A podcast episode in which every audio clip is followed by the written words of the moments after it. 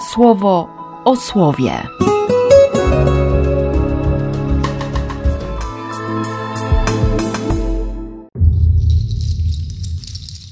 7 czerwca, wtorek.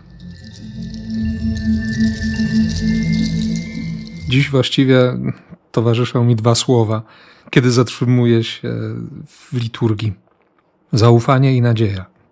Eliasz, właściwie prorok znikąd, który po prostu nagle pojawia się w historii zbawienia, jest wezwany do zaufania Bogu, żeby się schować, żeby się schować nad potokiem Kerit.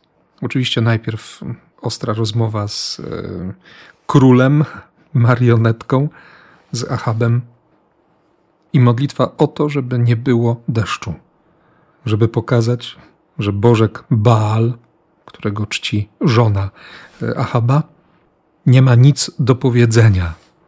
Przecież Baal był odpowiedzialny między innymi za obfitość zbiorów, nie? za błogosławieństwo dla ziemi.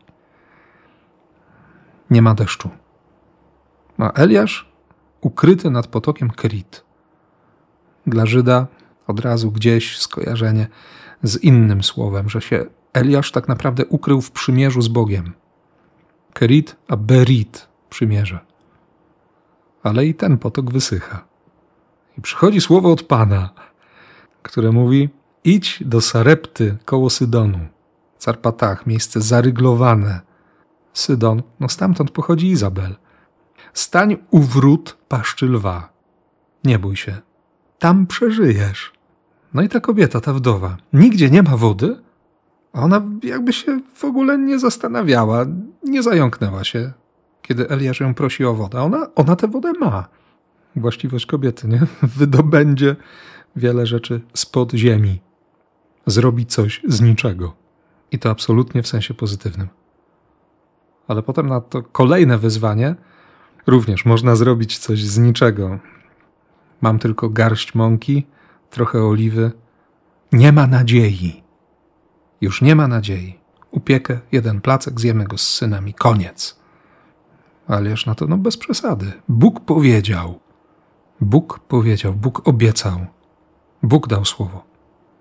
Eliasz zaufał Bogu, kobieta zaufała Eliaszowi i wydarzył się cud. Bóg pokazał, że jest wierny. E, hm. A najpierw Bóg zaufał Eliaszowi, że ten posłucha, że będzie miał nadzieję. Zaufał tej kobiecie, że ona uwierzy na słowo. Podjął takie ryzyko. To, to jest pocieszające, że Bóg podejmuje takie ryzyko, kiedy patrzy na ciebie, kiedy patrzy na mnie. On jest tym pierwszym, który wierzy, który ma nadzieję, który kocha. Zresztą to samo pokazuje Jezus. Do tych, którzy dopiero co za nim poszli, którzy nie mają jeszcze podstaw ani dowodów na to, że on jest Mesjaszem, mówi wyraźnie: Jesteście solą, jesteście światłem. I jeśli chcecie być moimi uczniami, to, to bądźcie jak sól dobrej jakości. I nie dajcie sobie zamieszać w głowie. Nie, nie straćcie tożsamości. Nie bądźcie zanieczyszczoną solą, która staje się bezużyteczna. Nie po to się buduje miasto na wzniesieniu, żeby je ukryć. Bądźcie światłem. Macie służyć. Nie błyszczeć, ale służyć. Kochać. Tak niech wasza światłość jaśnieje przed ludzkimi oczami, aby mogli dojrzeć dobre dzieło, któremu służycie, i aby z tego powodu wielbili Ojca w niebiosach. Nie? Oni jeszcze nie mają podstaw, żeby mu wierzyć, a On im ufa, że wezmą to słowo, że kiedyś zrozumieją, że, że będą tak żyć. Bogu dziękuję za to, że, że On we mnie tak wierzy. Bogu dziękuję za to, że On w Ciebie tak wierzy. Niech ta miłość, niech Jego wierność będą w Tobie życiodajne, będą w nas życiodajne.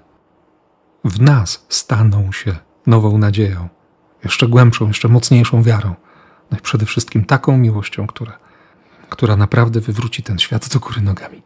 Niech tak się stanie. W imię Ojca i Syna i Ducha Świętego. Amen. Słowo o słowie. Bye.